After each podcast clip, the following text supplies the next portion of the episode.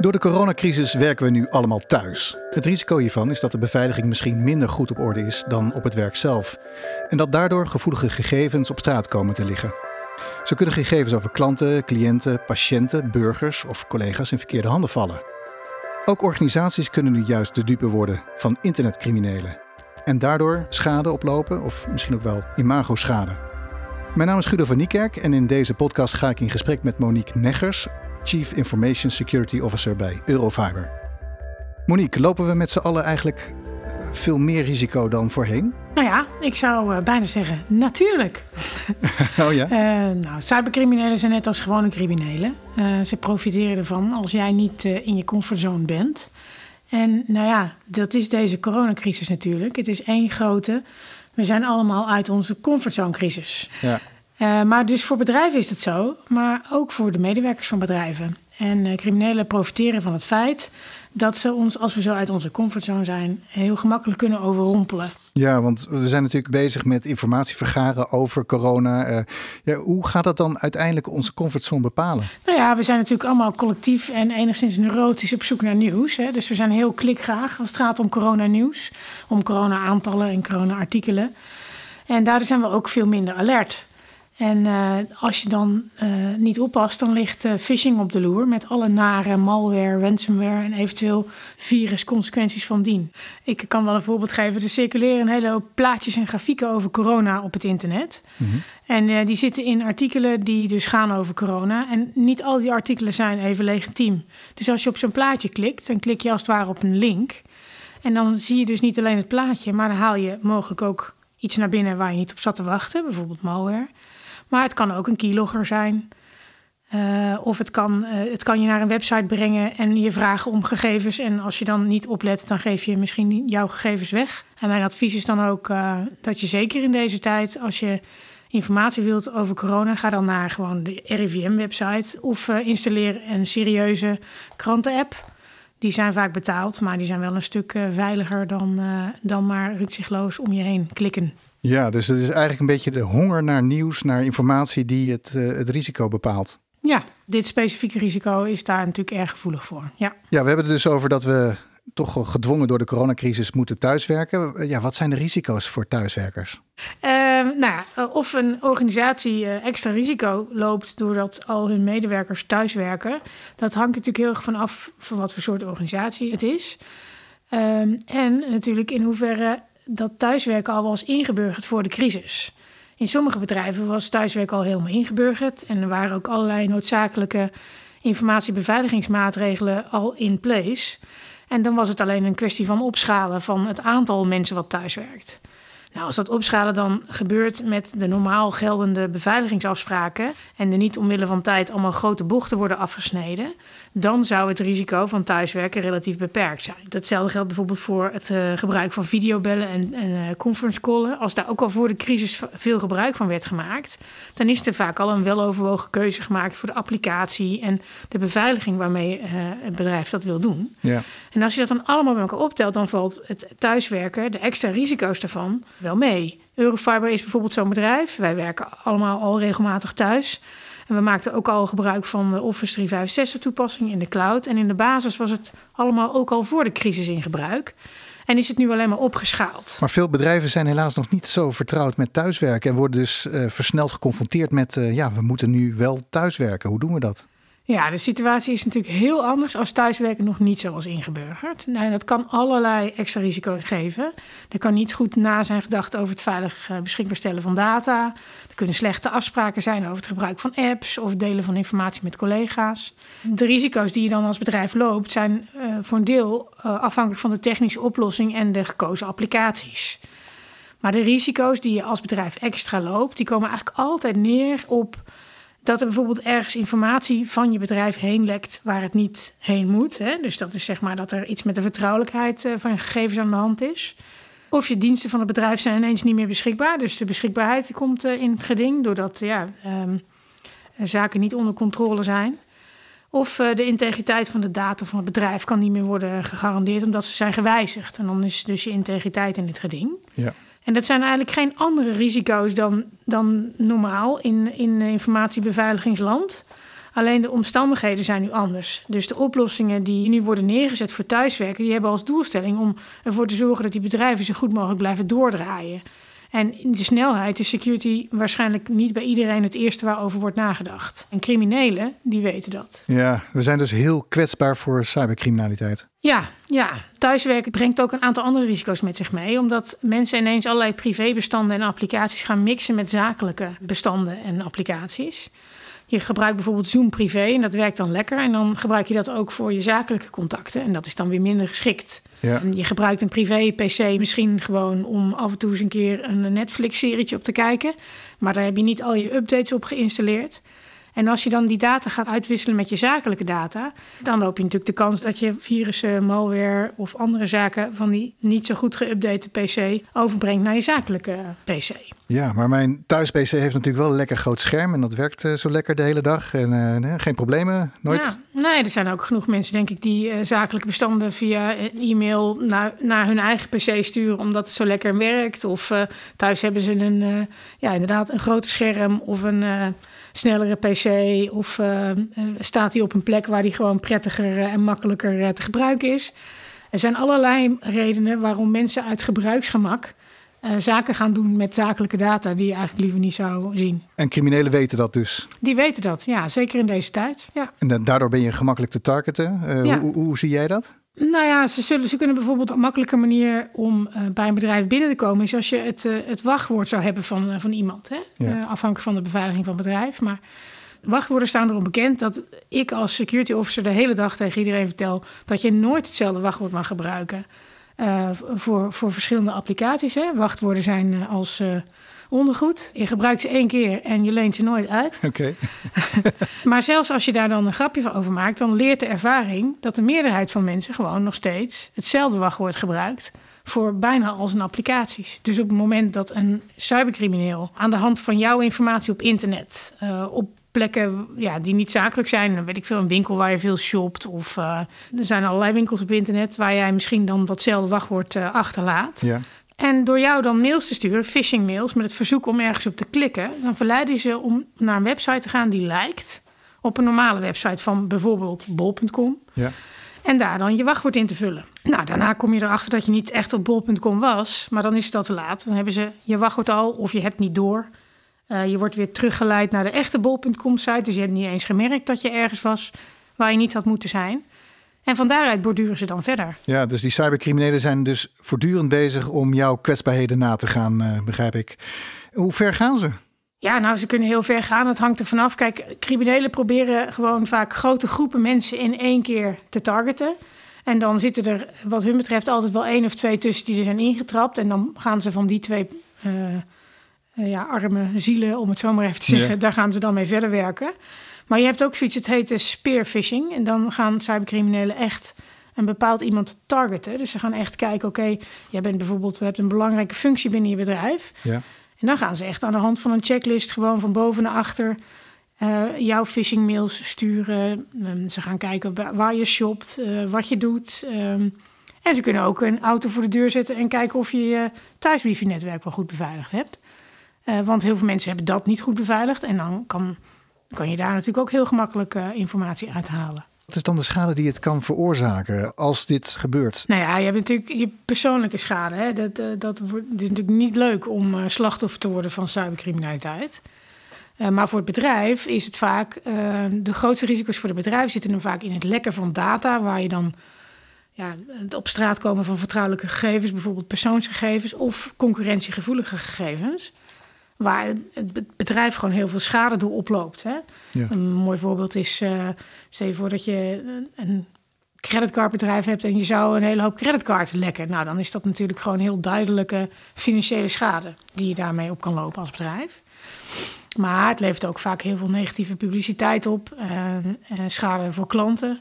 Eh, van je bedrijf. En uh, op het moment dat het persoonsgegevens zijn, dan kunnen het ook, kunnen het ook hele hoge boetes opleveren vanuit de autoriteit persoonsgegevens. En je hebt natuurlijk ook dat, uh, dat ransomware. Um, we kennen een aantal voorbeelden van. Nou, het bekendste voorbeeld is denk ik toch wel de Universiteit van Maastricht van, van de jaarwisseling, afgelopen jaarwisseling. Een heel klassiek voorbeeld, een heel goed voorbereide aanval. Daar is ook een heel mooi rapport van gepubliceerd voor de mensen die daarin geïnteresseerd zijn. Hij heeft de Maastricht publiek gemaakt. Hè, hoe dat helemaal stapsgewijs is opgebouwd. Ja.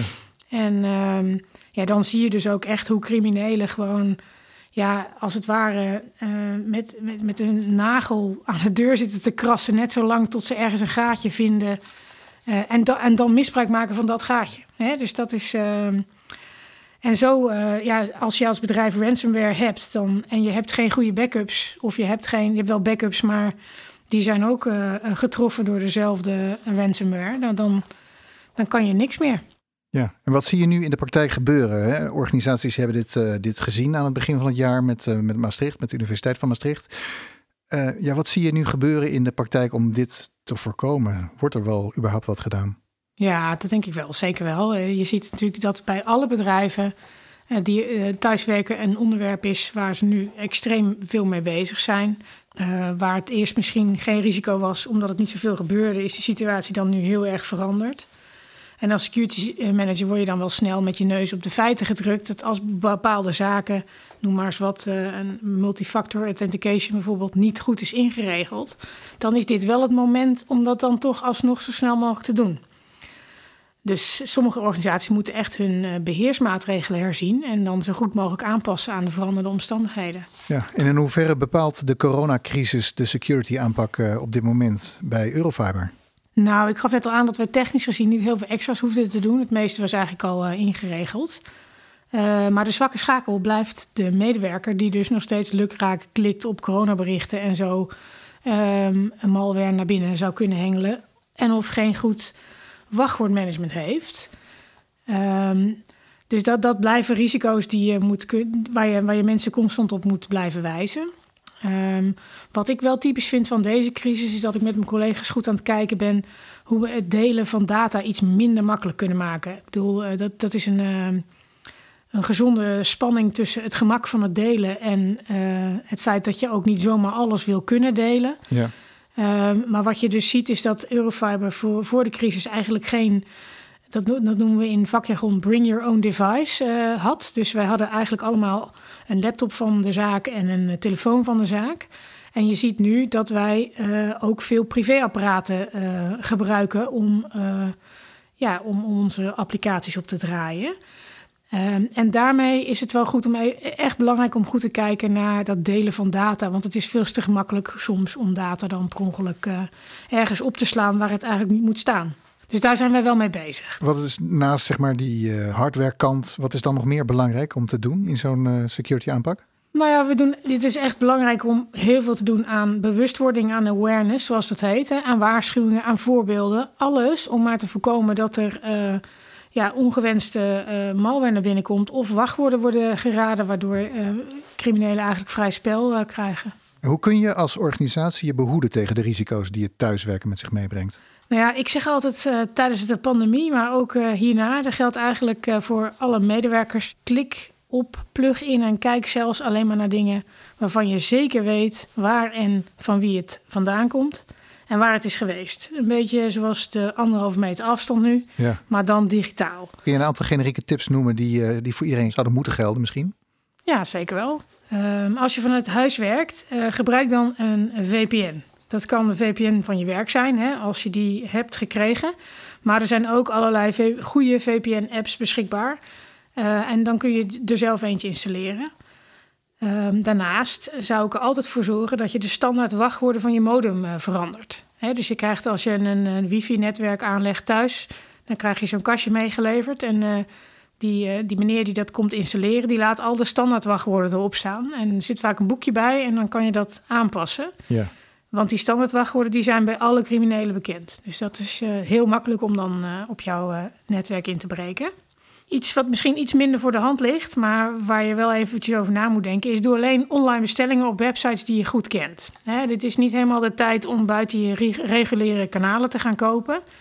En als je iets koopt en je bent er niet echt van overtuigd dat het een echt betrouwbare website betreft, beetje een vreemde tip misschien, maar betaal dan met een creditcard als je die hebt. Want op die manier kun je, als er iets niet geleverd wordt of het blijkt uiteindelijk een, uh, een fraudetransactie geweest te zijn, tenminste nog je geld terugkrijgen. Creditcards uh, hebben vaak uh, een verzekering gekoppeld aan de kaart die je dan beschermt bij dat soort fraude.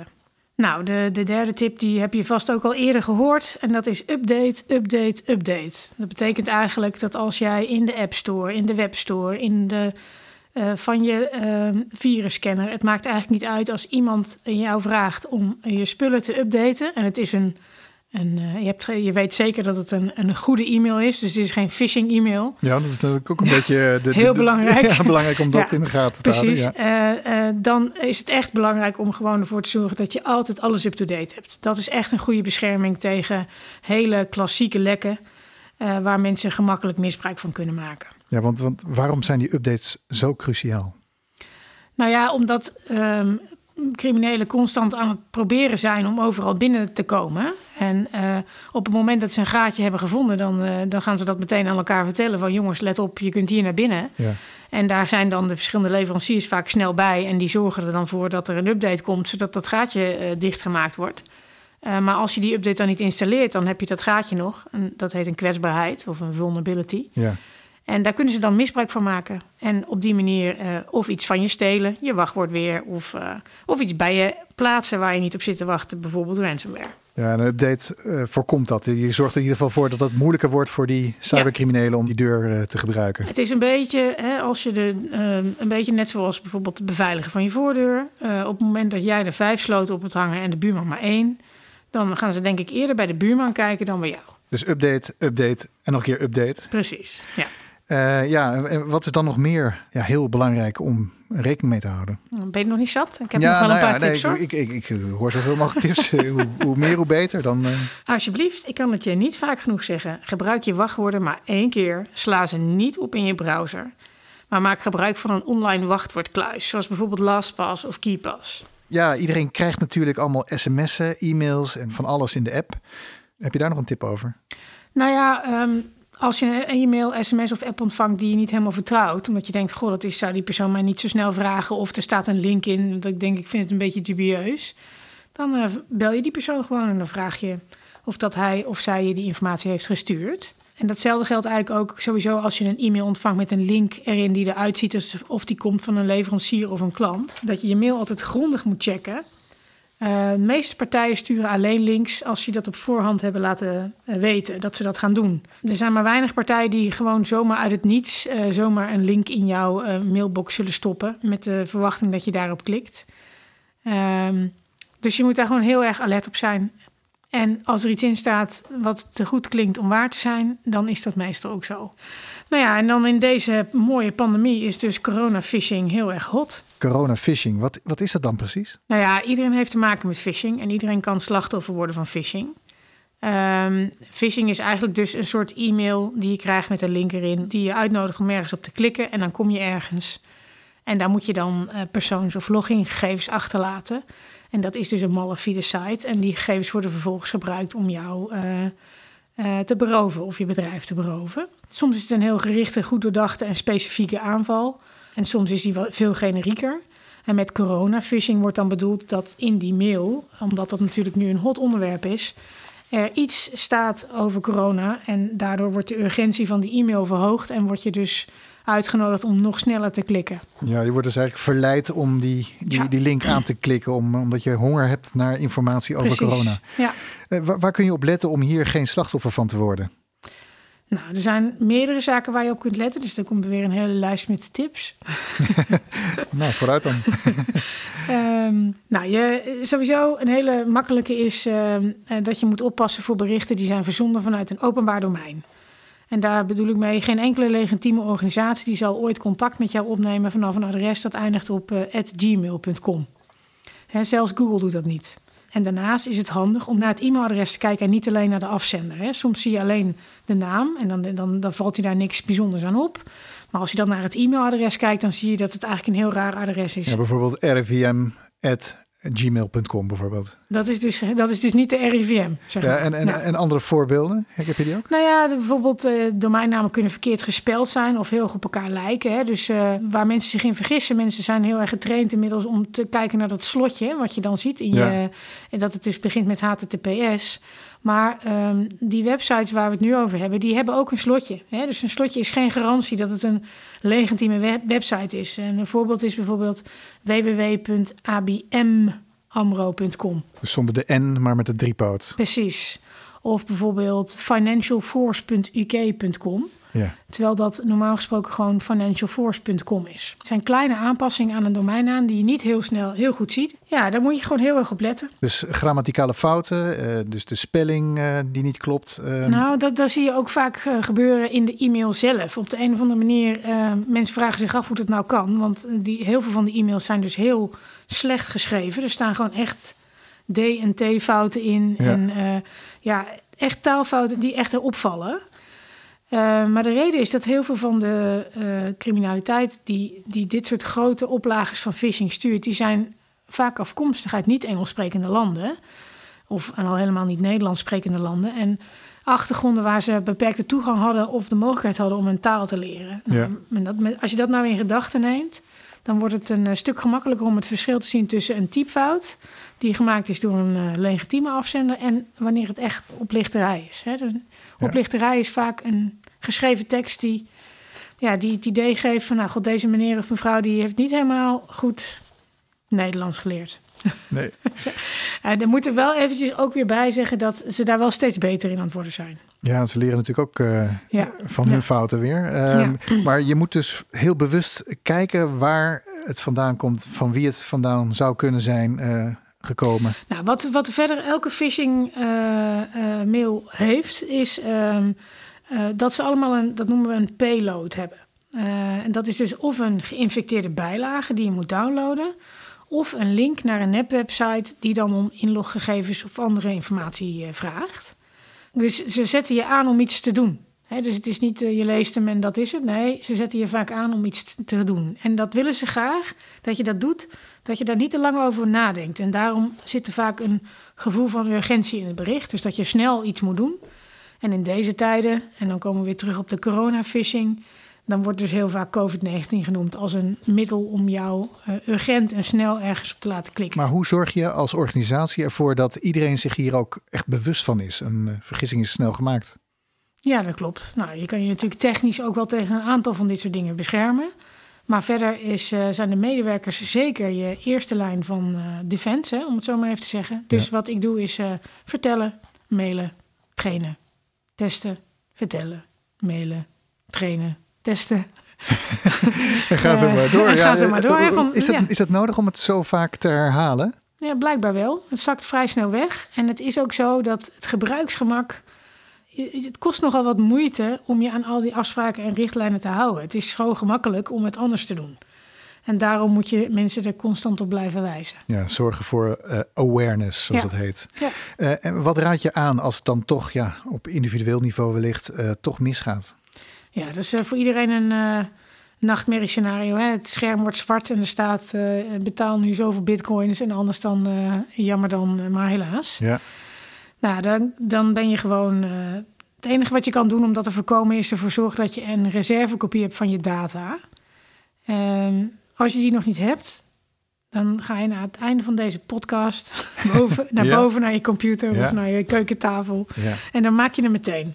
Hè, dat is heel belangrijk. En ehm, verder is het handig, eh, je kan je data in de cloud zetten en daarvoor betalen. Dan krijg je vaak gratis een aantal virusscanners meegeleverd die jouw data constant scannen. Vertrouw niemand, vraag je IT-afdeling om advies als die er is. En eh, mocht er toch ransomware op je scherm versch- verschijnen, nooit betalen.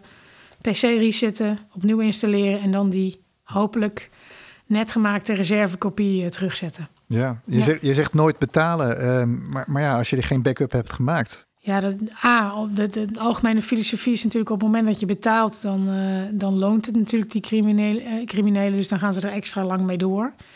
Eh, de vraag is natuurlijk als je betaalt of je dan ook meteen je data terugkrijgt. Voor hetzelfde geld komt er een nieuw berichtje of je nog meer wil betalen. Hè, het zijn wel criminelen. Dus je zegt, nou, zorg dat, dat die backup er is en reset je PC en start gewoon opnieuw met het installeren van, van je besturingssysteem en vervolgens je backup weer op, Ja. op, Precies. op orde. Ehm, ja, in hoeverre, want we hebben het er net al over gehad. Hè? Het wordt steeds belangrijker om vanuit huis te kunnen werken via video te kunnen vergaderen. Video bellen heet dat, via Zoom of Houseparty. Eh brengt dat risico's met zich mee? Nou ja, dat hangt er natuurlijk vanaf wat je bespreekt in zo'n gesprek. Hè? En het hangt ook een beetje van de app af. Eh, als je kijkt, de Zoom is eh, de afgelopen tijd heel vervelend in het nieuws geweest. Die hadden al eerder wat lekken. En die hadden ze ook gefixt. Maar nu zijn ze toch nog weer twee keer opnieuw in het nieuws gekomen met het lekken van persoonlijke data. En ook het, dat opgenomen gesprekken van Zoom, dat je die gemakkelijk op internet zou kunnen achterhalen. Ja. Nou, dus ik, ik ben op dit moment niet zo'n hele grote fan van Zoom. Dat zou ik in ieder geval zakelijk liever niet gebruiken. En ze hebben beterschap beloofd. Is dat voldoende? Nee. Nee. Oké. Nee. Dus niet gebruiken is jouw nee, advies? Nee, nou, voor, voor, voor, zakelijke gesprekken niet, nee. nee. Um, hetzelfde geldt voor... Uh, als jij je tante wil bellen in uh, Marokko... Hè, dan zou je, kan je dat gerust met Zoom doen... tenzij je iets heel persoonlijks gaat bespreken. En hetzelfde geldt bijvoorbeeld voor een aantal andere heel... Um, populaire apps. Bijvoorbeeld House Party dat is nu een hele populaire app. Hartstikke makkelijk om daar met heel veel mensen tegelijkertijd te bellen. Ja. Die zijn uh, ook negatief in het nieuws geweest. Dat was overigens uh, was fake nieuws. Dus die, uh, um, maar ik zou zo'n app ook nooit gebruiken om, om zakelijke gesprekken mee te voeren. Hè, gebruik voor videobellen gewoon de apps die zijn voorgeschreven door de IT-organisatie van je bedrijf. Hè. En, um, bij Eurofiber gebruiken we Teams van Microsoft. Nou, is prima. En mocht je um, conference call tooling gebruiken. Dat, er gebeurt natuurlijk ook veel. Niet iedereen doet videobellen. Nee. Uh, kijk dan even goed, want vaak kun je ook wel een wachtwoord instellen. En dan, daarmee kun je je gesprek extra veilig maken. Een pincode erop zetten, waardoor het uh, veel, makkelijk, veel moeilijker wordt voor, uh, voor anderen om jouw gesprek mee te luisteren. Ik wil even met jou naar een paar krantenkoppen van de, de laatste tijd. Um, bijvoorbeeld het parool. Hè. In de strijd tegen corona staat privacy op een zijspoor. dan heb je in een opiniestuk in de Volkskrant. Vergis je niet, de coronacrisis is ook een, een digitale pandemie. Uh, wat vind je van de discussie over privacy? Zijn de mensenrechten misschien wel in gevaar?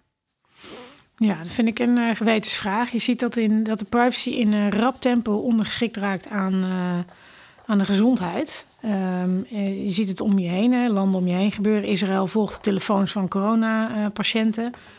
Zuid-Korea checkt creditcardtransacties en China gebruikt zo'n beetje alles op het gebied van uh, kunstmatige intelligentie en big data om verdere verspreiding van het coronavirus te beperken. Ja.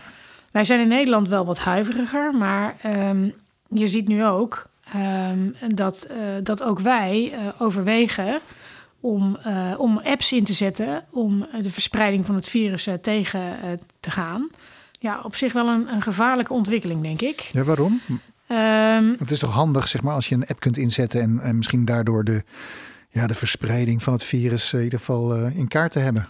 Nou ja, dat klopt. En uh, dat is waarschijnlijk ook zo. En, uh, en, natuurlijk roept de politiek dat het, niet, dat het in Nederland nooit zo mag gaan als in Korea. En dat elke app die wij zouden ontwikkelen of gaan gebruiken altijd veilig zal zijn. En dat de privacy van gebruikers niet zal aantasten ze verkennen nu een, een, van een Bluetooth-optie, geloof ik, die met een uitwisseling van keys die, op, die lokaal op je telefoon worden gezet. Ja. Maar goed, weet je, privacy is geen luxe artikel. Privacy artikel uh, privacyregels zijn er echt om kwetsbare groepen te beschermen. Het gaat ook over het recht om dingen niet te willen weten en, en over het recht om informatie over jezelf niet te hoeven delen. Ja. En onze overheid heeft niet altijd een hele goede reputatie als het op eh, privacy aankomt. En deze apps die worden in een noodvaart ontwikkeld. En best wel een goede kans dat als ze straks eenmaal in werking zijn, dat ze toch iets minder veilig blijken te zijn. Dus ja, ik vind het wel degelijk een, eh, een zorgwekkende ontwikkeling. Uh, wat ik positief vind, is dat er wel plannen zijn om bijvoorbeeld ook de source code van die app uh, te delen. Dan kunnen alle white hat hackers en experts op privacygebied meekijken en beoordelen of de app inderdaad veilig is. Dat vind ik wel heel netjes. Ja. Um, maar goed, oppassen blijft gewoon belangrijk. We hebben er best lang over gedaan om dit recht te verwerven. En het lijkt me echt onhandig om het zomaar weg te gooien. En als het eenmaal weg is, probeer het dan nog maar weer eens terug te krijgen. Ja, en welke security maatregelen zou iedere organisatie nu moeten hebben? Uh, wat je als organisatie echt wil hebben is uh, multifactor authentication. Multifactor authentication is eigenlijk uh, dat je op twee verschillende manieren laat zien dat jij echt bent die je bent. Ja. en dat kan bijvoorbeeld zijn doordat je je wachtwoord invoert en dat je dan daarna uh, op je telefoon met een appje een code uh, doorgeeft. En dan heb je het dus op twee verschillende manieren laten zien. Jij die hebt die telefoon, die telefoon is van jou. En dat wachtwoord is ook van jou. Dus daarmee heb je een dubbele check op dat jij het ook daadwerkelijk bent. Stel je voor dat een uh, crimineel bijvoorbeeld jouw wachtwoord heeft gestolen. Door phishing, dan kan die dus niet inloggen, omdat hij dan niet alleen je wachtwoord nodig heeft, maar ook je telefoon. Dus dat is een uh, en dat die maatregel die is heel erg effectief uh, ja, tegen het inloggen van criminelen op uh, accounts van medewerkers. En dat is toch vaak een manier om binnen te komen. Als je dat niet op orde hebt, of je weet niet of je kwetsbaar bent, wat raad je dan aan? Kun je versneld opschalen? Ja, op zich, uh, ja, ik kan eigenlijk, kom, val ik in herhaling, meteen regelen die multifactor authentication. Okay. Um, ik zou me daarop focussen. Ik zou ervoor zorgen, en vaak kan dat ook er zijn heel veel pakketten al op ingericht en heel, het ligt op heel veel plekken al op de kast of op de plank. Alleen wordt het nog niet gebruikt. Dus dat zou ik dan. Uh... Nou, verder zou ik ook echt wel zorgen dat je veilig video belt. Hè? Dus dat je als je nog geen standaard applicatie daarvoor had, dat je er dan eentje beschikbaar stelt waar je van vindt dat die veilig is. En uh, ja, je medewerkers uh, blijven bewust maken van de gevaren van cybercriminaliteit. Ja, we hebben het natuurlijk al de hele tijd over het kwetsbaar zijn als gebruiker. Um, kunnen jullie bij Eurofiber nog iets betekenen voor jullie uh, contacten, zakelijke contacten? Nou ja, bij Eurofiber vinden we security uitermate belangrijk. Het is echt voor ons een speerpunt. Uh, we leveren ook veilige verbindingen aan bedrijven. Dus naast dit soort podcasts en artikelen proberen we zoveel mogelijk te doen aan bewustwording. Want die is cruciaal voor ons, maar die is ook voor onze klanten cruciaal. Nou, tot zover deze podcast over cyberweerbaarheid tijdens de coronapandemie. Monique Neggers, Chief Information Security Officer bij Eurofiber, bedankt voor je heldere duiding en tot de volgende podcast.